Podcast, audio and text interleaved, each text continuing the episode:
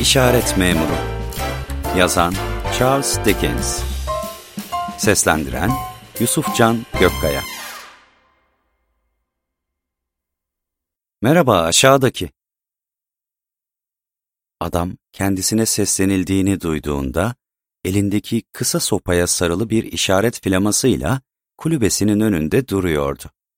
Bulunduğu yerin doğal yapısı göz önüne alınacak olursa, insan sesin geldiği yön konusunda adamın kuşku duymasının mümkün olamayacağını düşünürdü ama başının hemen üstüne benim durduğum dik yarın tepesine bakmak yerine tam aksi yöne dönüp tren hattına baktı. Davranış biçiminde olağan dışı bir şey vardı ama ben tüm çabama rağmen ne olduğunu ifade edemeyeceğim.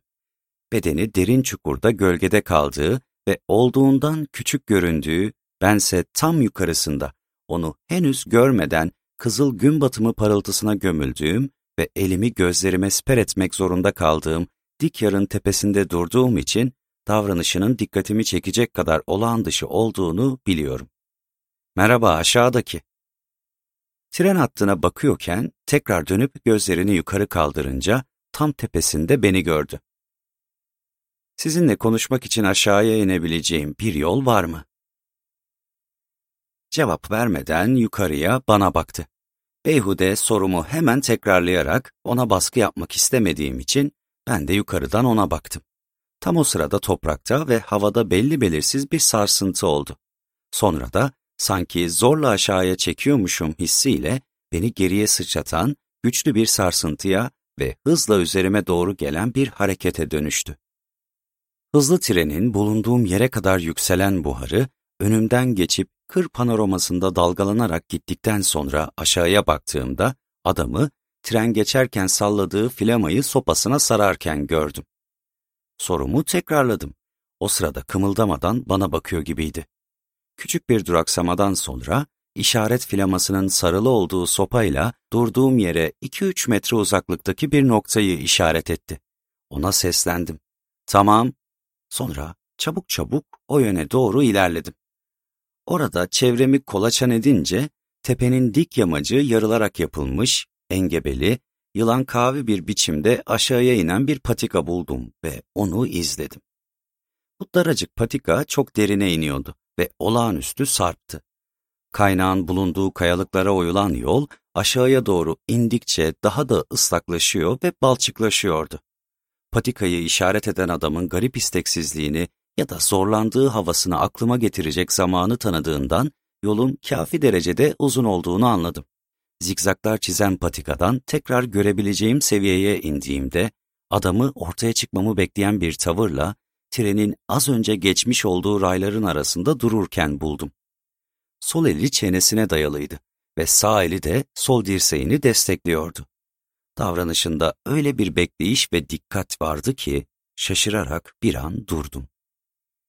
Yeniden aşağıya doğru yürümeye başladım ve tren hattı seviyesine ininceye kadar adımlarımı iyice hızlandırdım. Daha da yaklaşınca onun oldukça kalın kaşları ve siyah sakalları olan soluk benizli bir adam olduğunu gördüm. Görev noktası şu ana kadar hiç görmediğim kadar ücra ve kasvetli bir yerdeydi. Dört bir tarafı bir parça gökyüzü dışında bir şeyin görülmesine izin vermeyen, eğri büğrü taşlarından sular damlayan ıslak bir duvarla çevriliydi. Bir yöndeki perspektif, bu koca hapishanenin çarpık çurpuk uzantısıydı. Öteki yöndeki daha kısa perspektif ise, siyah tünelin daha da kasvetli ağzında, kasvetli kırmızı ışıkla son buluyordu. Muazzam büyüklükteki yapıda haşin, bunaltıcı ve ürkütücü bir hava vardı. Bu yuvarlak ağızdan o kadar az güneş ışığı kendine girecek yol buluyordu ki, toprakta ölüm kokusu vardı ve yaşadığım dünyayı terk etmişim gibi içimi ürperten buz gibi sert bir rüzgar bir ucundan girip öbüründen çıkıyordu.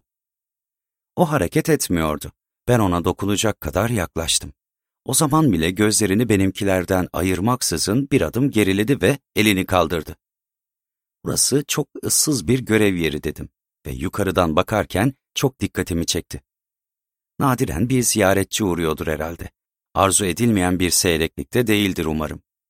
O benim şahsımda tüm yaşamı boyunca dar sınırlar içine kapatılıp sonunda serbest kalarak Bu büyük işlere karşı merakı yeni uyanmış bir adam gördü sadece.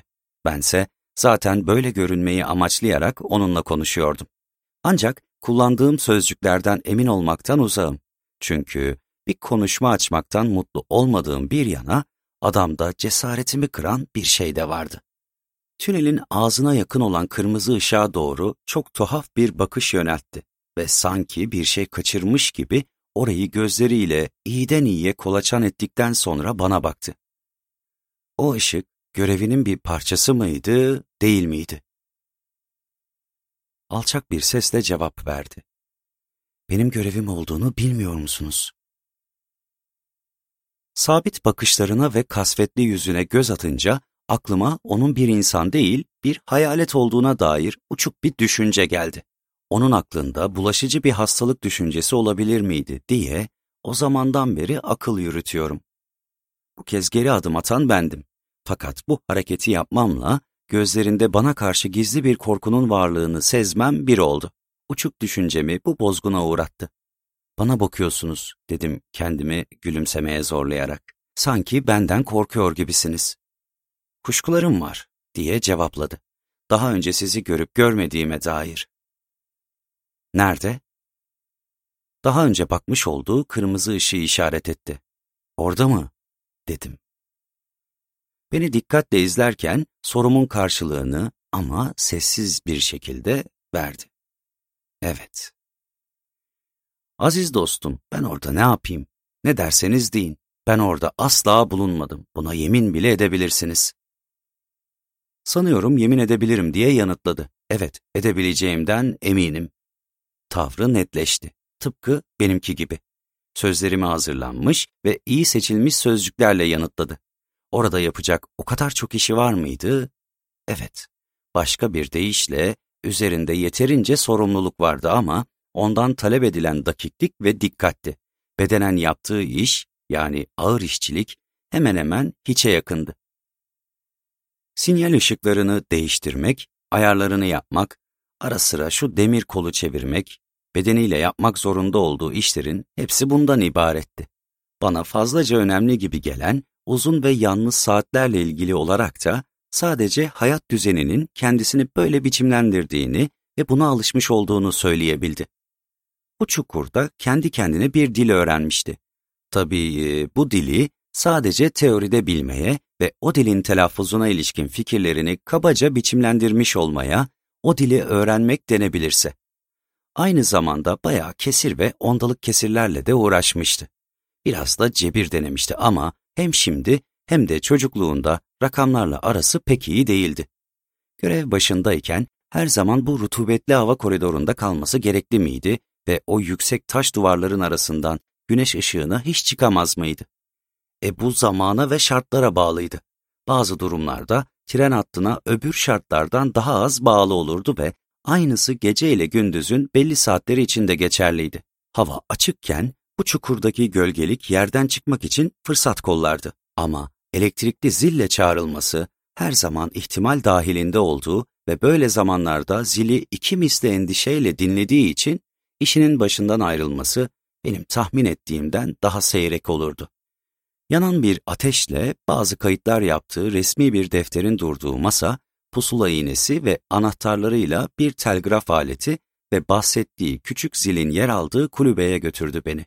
Onun iyi eğitimli ve inşallah gücendirmeden söyleyebilirim, belki de bu istasyona göre fazla eğitimli olduğuna ilişkin fikrimi affına sığınarak söylediğimde o, büyük insan kitleleri arasında bu şekilde önemsiz aykırılık örneklerinin ender de olsa bulunacağını öne sürdü. Darül Ecazeler'de polis teşkilatında böyle olduğunu duymuştu. Hatta umutsuzluğun o son dayanağı orduda bile ve herhangi bir büyük tren yolu personeli arasında da. Gençliğinde şu kulübede otururken ben buna inanabilsem bile kendisi buna hemen hiç inanmıyordu.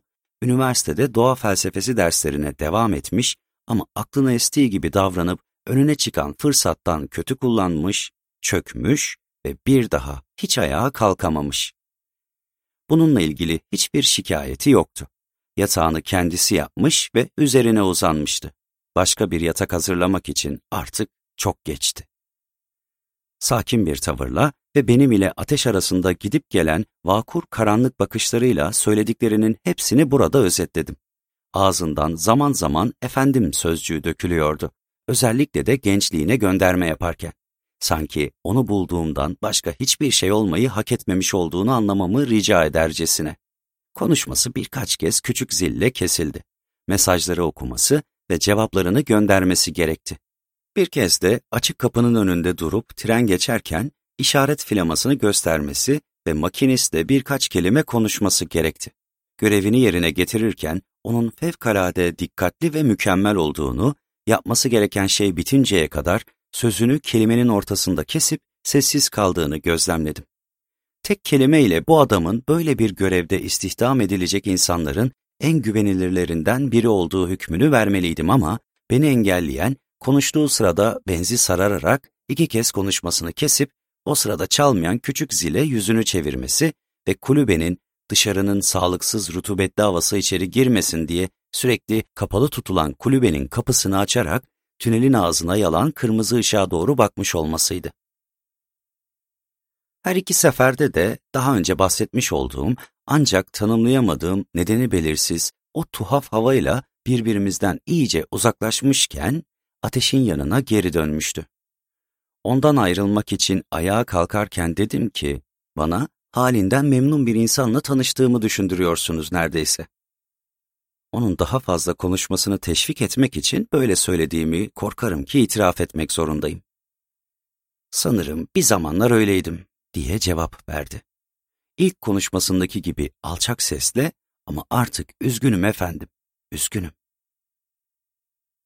Elinden gelseydi kelimeleri geri alacaktı. Ama bir kez ağızdan çıkmış. Ben de hemen yakalamıştım. Neden dolayı, neden üzgünsünüz?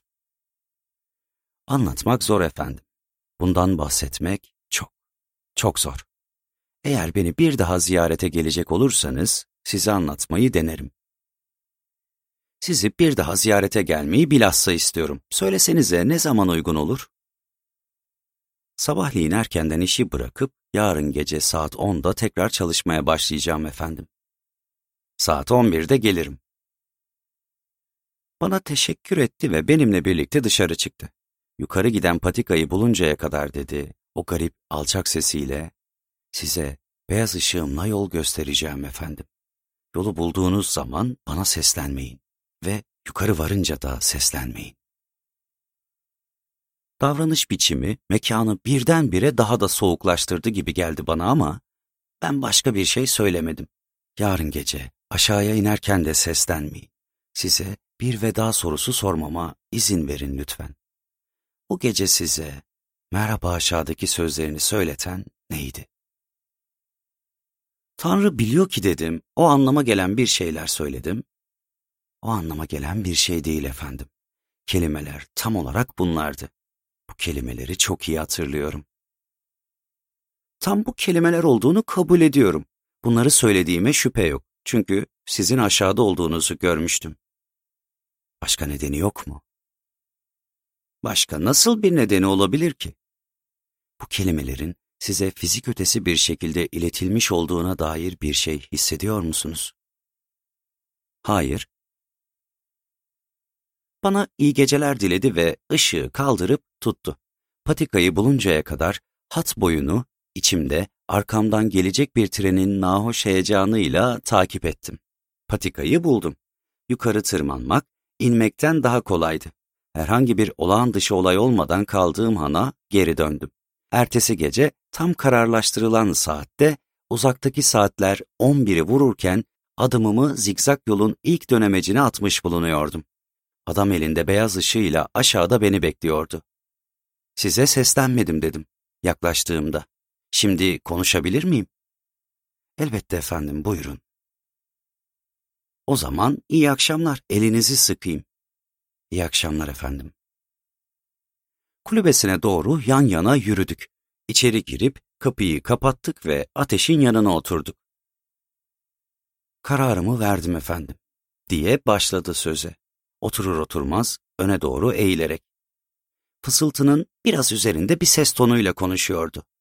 Beni üzen şeyin ne olduğunu bana ikinci kez sormak zorunda kalmayacaksınız. Dün gece sizi başka birisine benzettim. Beni üzen bu. Bu yanılgı mı? Hayır, o başka kişi üzüyor. Kim o? Bilmiyorum. Bana mı benziyor? Bilmiyorum. Yüzünü hiç görmedim. Sol koluyla yüzünü kapatmıştı ve sağ kolunu da sallıyordu. Şiddetle sallıyordu. Böyle. Gözlerimle hareketini takip ettim ve bu tanrı aşkına çekil yoldan anlamında azami duygu ve şiddetle sallanan bir kolun hareketiydi. Bir dolunay gecesinde, dedi adam. Merhaba aşağıdaki, diye seslenen bir ses duyduğumda burada oturuyordum.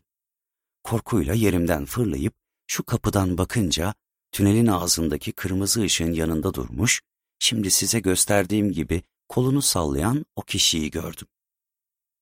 Ses bağırmaktan kısılmış gibiydi ve haykırıyordu. Dikkat et, dikkat et ve en sonra yine merhaba aşağıdaki.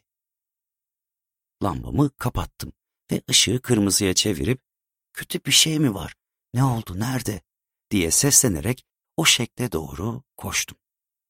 Figür tünelin karanlık ağzının hemen dışında duruyordu. Ona o kadar yaklaştığım halde hala koluyla gözlerini kapatıyor olması beni hayrete düşürdü.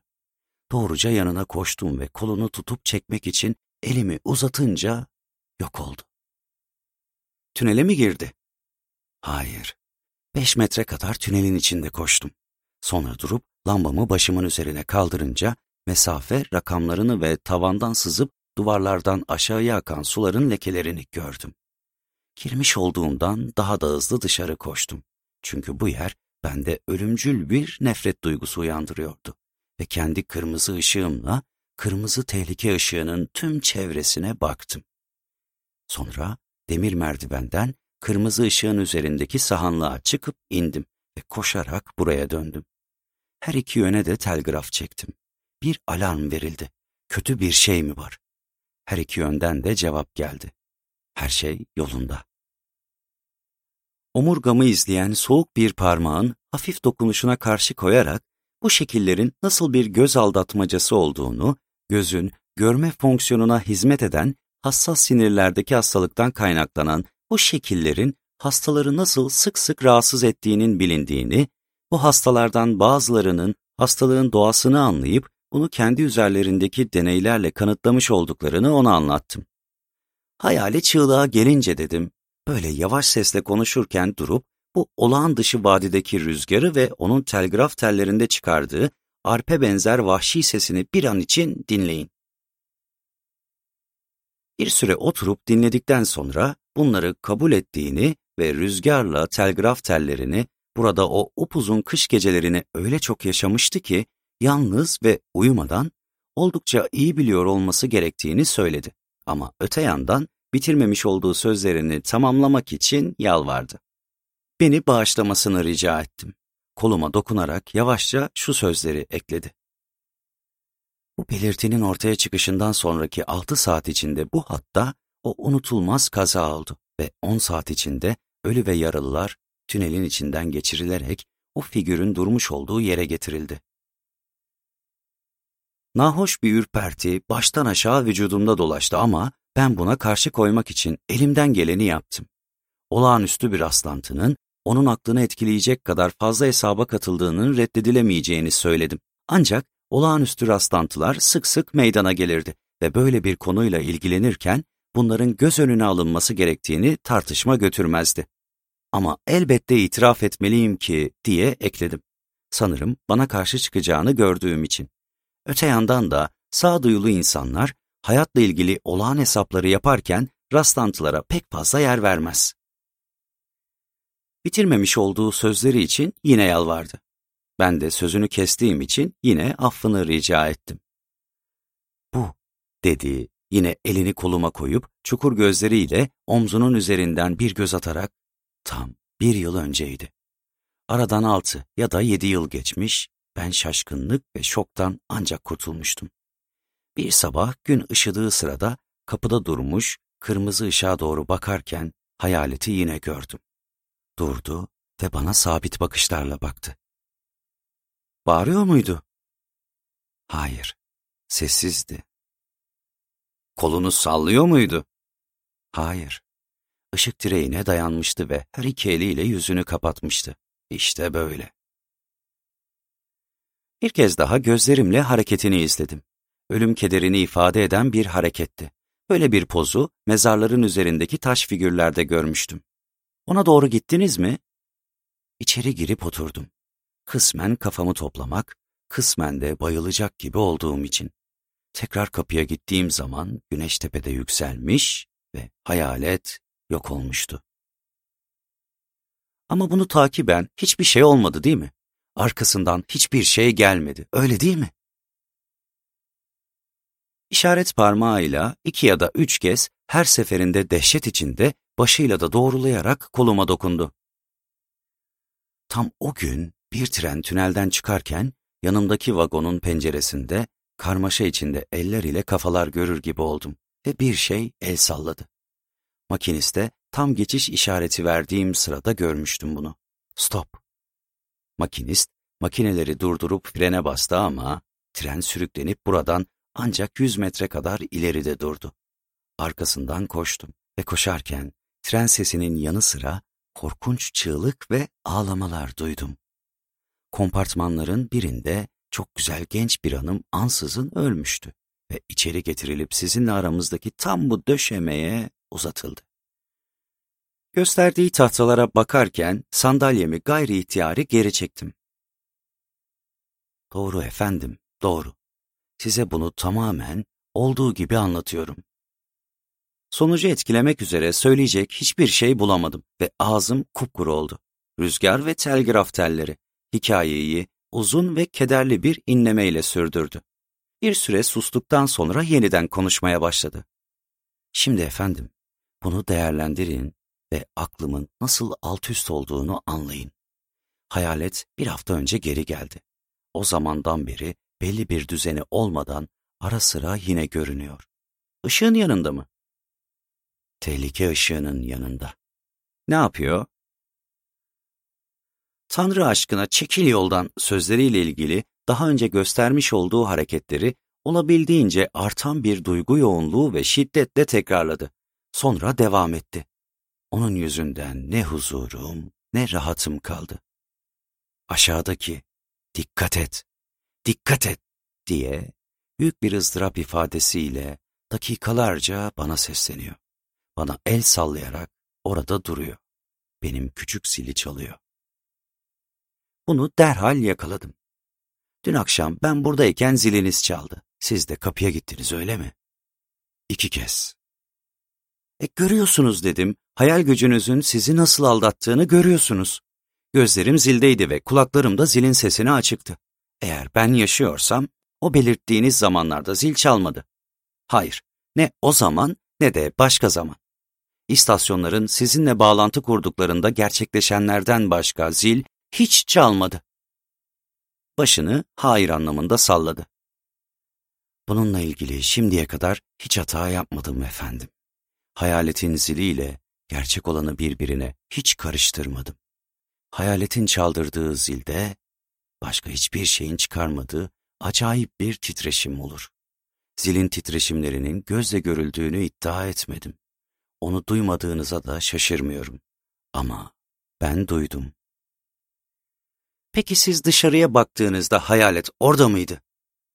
Oradaydı. Her iki seferde de mi? Sebatla tekrar etti. Her iki seferde de. Benimle şu anda kapıya gelip ona bakar mısınız? Sanki biraz isteksizmiş gibi alt dudağını ısırdı ama yerinden kalktı. Kapıyı açtım, o kapı aralığında ben de basamakta durdum. İşte tehlike ışığı. İşte tünelin karanlık ağzı. İşte bu derin çukurun yüksek, ıslak taş duvarları. İşte bunların tepesindeki yıldızlar. Onu görüyor musunuz diye sordum yüzüne özellikle dikkat ederek. Gözleri yuvalarından dışarı fırlayacak gibiydi ama aynı noktaya baktığımda şaşkınlığım daha fazlaydı belki de. Hayır, diye cevap verdi. Orada değil. Aynı fikirdeyim dedim. Tekrar içeri girdik ve kapıyı kapatıp yerlerimize oturduk.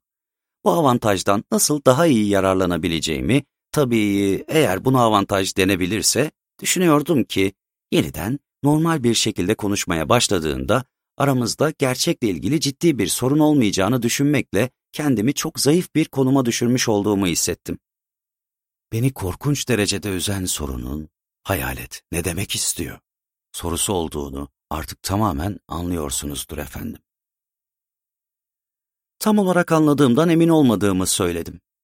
O neye karşı uyarıda bulunuyor, dedi. Derin düşüncelere dalmıştı ve sadece arada bir bana doğru çevirdiği gözleri ateşliydi. Tehlike nedir? Tehlike nerededir? Tehlike tren hattında herhangi bir yerin üzerinde asılı duruyor. Kötü bir felaket olacak. Daha önce olanlardan sonra üçüncü kez olacağına şüphe yok. Ancak hayaletin beni ziyaret etmesi kesinlikle acımasızca. Ben ne yapabilirim ki? Mendilini çıkarıp alnından damlayan terleri sildi. Birine ya da her iki yöne de telgraf çekecek olsam buna bir kanıt gösteremem diye devam etti. Avuç içlerini silerek. Başım derde girecek ve bir faydası olmayacak. Deli olduğumu düşünecekler. Bu iş aynen şöyle cereyan edecek. Mesaj, tehlike, dikkatli olun. Cevap, ne tehlikesi, nerede? Mesaj, bilmiyorum ama Tanrı aşkına dikkatli olun. Beni görevden alacaklar. Başka ne yapabilirler ki? Aklının azap içinde yandığını görmek çok acıklıydı. Hayata dair anlaşılmaz bir sorumluluk duygusuyla dayanamayacağı bir yükün altında kalan vicdan sahibi bir adamın zihinsel azabıydı bu.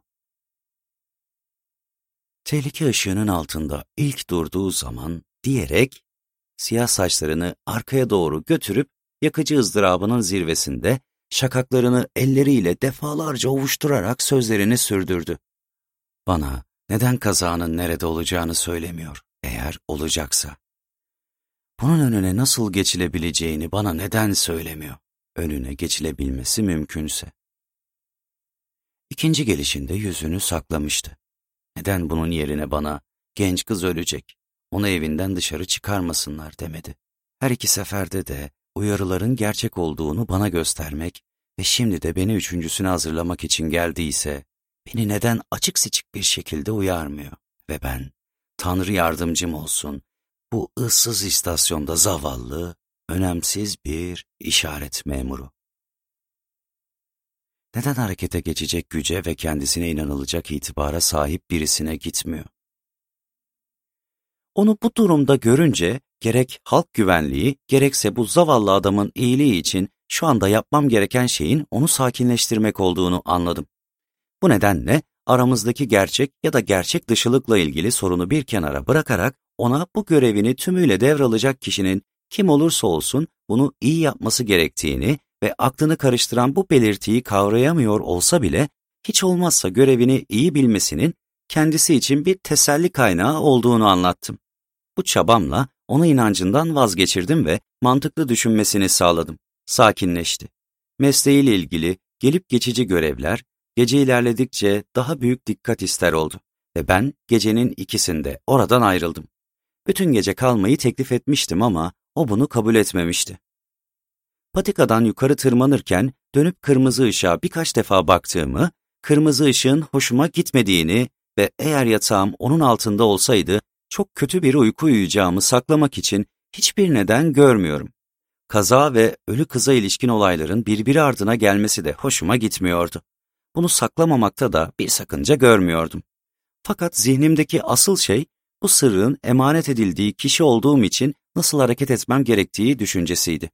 Adamın akıllı, ihtiyatlı, özenli ve mükemmel olduğunu tespit etmiştim. Ama daha ne kadar süre akli durumu böyle kalabilirdi ki? Alt kademede olsa bile önemli bir sorumluluk taşıyordu ve mesela ben onun sağlıklı bir biçimde bu işin üstesinden gelmeyi sürdüreceği umuduyla hayatımı tehlikeye atmak ister miydim? Kendisine dürüstçe açıklama yapmadan ve ona orta bir yol teklif etmeden önce bana anlatmış olduklarını amirlerine bildirmemin haince bir şey olacağı duygusu galip geldi. Sonunda Bu yörelerde varlığını öğrenebileceğimiz en güvenilir doktora gidip fikrini almak üzere ona refakati teklif etme kararı aldım. Aksi halde sırrımı saklayamayacaktım. Görev saatindeki değişim bana verdiği bilgiye göre yarın gece olacaktı. Güneşin doğuşundan bir ya da iki saat sonra işi bırakıp güneşin batışından hemen sonra yeniden işe başlayacaktı. Buraya tekrar gelmek için bu duruma uygun bir zaman tayin ettim. Ertesi akşam latif bir akşamdı ve bunun keyfini çıkarmak için erkenden yürüyüşe çıktım. Derin çukurun tepesine yakın tarlaların içindeki patikadan geçerken güneş henüz tam anlamıyla batmamıştı. Yürüyüşümü bir saat kadar uzatayım dedim. Yarım saat gidiş, yarım saatte dönüşten sonra işaret memurunun kulübesine gitme zamanı gelmiş olacaktı. Gezintime başlamadan önce kenara doğru yürüyüp mekanik biçimde aşağı baktım. Onu ilk kez görmüş olduğum noktadan. Tünel ağzının yakınlarında sol koluyla gözlerini kapatmış, sağ kolunu şiddetle sallayan bir adamın görüntüsünü gördüğümde içimi saran heyecanı tarif edemem. İçimi daraltan tarifsiz dehşet duygusu bir anda geçti. Çünkü bu görüntünün gerçek bir adama ait olduğunu ve yakınındaki bir grup adama işaret memurunun el kol hareketlerini yinelediğini o anda görmüştüm. Tehlike ışığı artık yanmıyordu. Işığın direğine tahta desteklerle ve branda beziyle yapılmış, benim için tümüyle yeni, küçük ve alçak bir kulübecik dayanmıştı. Bir yataktan daha büyük gözükmüyordu. İçimde kötü bir şey olduğuna dair karşı konulmaz bir duyguyla ölümcül kötülüğün adamı orada bırakmamdan kaynaklandığını, adamın yaptıklarını düzeltecek ve duruma hakim olacak birinin gönderilmemesine sebep olmaktan dolayı duyduğum suçluluğun ve korkunun beynimde şimşek gibi çakmasıyla yılan kavi patikayı elimden geldiği kadar hızla indim. Ne oldu diye sordum adamlara. İşaret memuru bu sabah ölmüş efendim. Şu kulübede kalan adam olmasın? Ta kendisi efendim. Benim tanıdığım adam mı? Eğer onu tanıyorduysanız teşhis edebilirsiniz efendim dedi ötekiler adına konuşan adam. Ağırbaşlı bir şekilde şapkasını çıkarıp branda bezinin ucunu kaldırarak çünkü yüzü pek parçalanmamış dedi. Ah nasıl oldu bu, nasıl oldu bu diye branda bezi tekrar kapatılırken dönüp bir ona bir ötekine sordum. Lokomotif biçmiş efendim. İngiltere'de hiç kimse bu işi ondan daha iyi bilmezdi. Fakat nasıl olduysa raydan çekilmemiş. Kaza tam gündüz vakti olmuş. İşaretçi ışığı çakmış ve lamba da elindeymiş. Lokomotif tünelden çıkarken sırtı dönükmüş ve lokomotif onu biçmiş. Makinist şu adam. Olayın nasıl olduğunu bize gösteriyordu. Göster beyefendiye Tom. Kaba siyah giysili bir adam daha önce durduğu tünelin ağzındaki yere tekrar gitti. Tünelde dönemeci dönerken efendim dedi, onu tıpkı dürbününün ucundan görüyormuşum gibi tünelin ucunda gördüm. Süreti kontrol edecek zamanım yoktu ve onun çok dikkatli olduğunu bilirdim. Üzerine doğru hızla giderken düdüğe aldırış etmiyor gibi gözüktüğü için frene asıldım ve gücümün yettiği kadar yüksek sesle ona bağırdım. Ne dediniz? Dedim ki aşağıdaki dikkat et, dikkat et Tanrı aşkına yoldan çekil. İrkildim. Ah efendim korkunç bir andı, çok korkunç. Ona bağırmayı hiç kesmedim. Görmemek için bu kolumla gözlerimi kapattım ve bu kolumu da sonuna kadar salladım ama hiçbir faydası olmadı. Garip olaylardan birinin üzerinde, ötekinden fazla durarak bu hikayeyi uzatmadan bitirirken şu üst üste gelen rastlantılara dikkatinizi çekmek isterim. Makinistin kaza anındaki uyarısı sadece talihsiz işaretçinin bana tekrarladığı hayaletin sözlerini değil, aynı zamanda taklidini yaptığı hayaletin hareketleriyle ilgili işaretçinin değil, benim söylediğim, tümüyle kendi zihnimin türettiği sözleri de içeriyordu. Müzik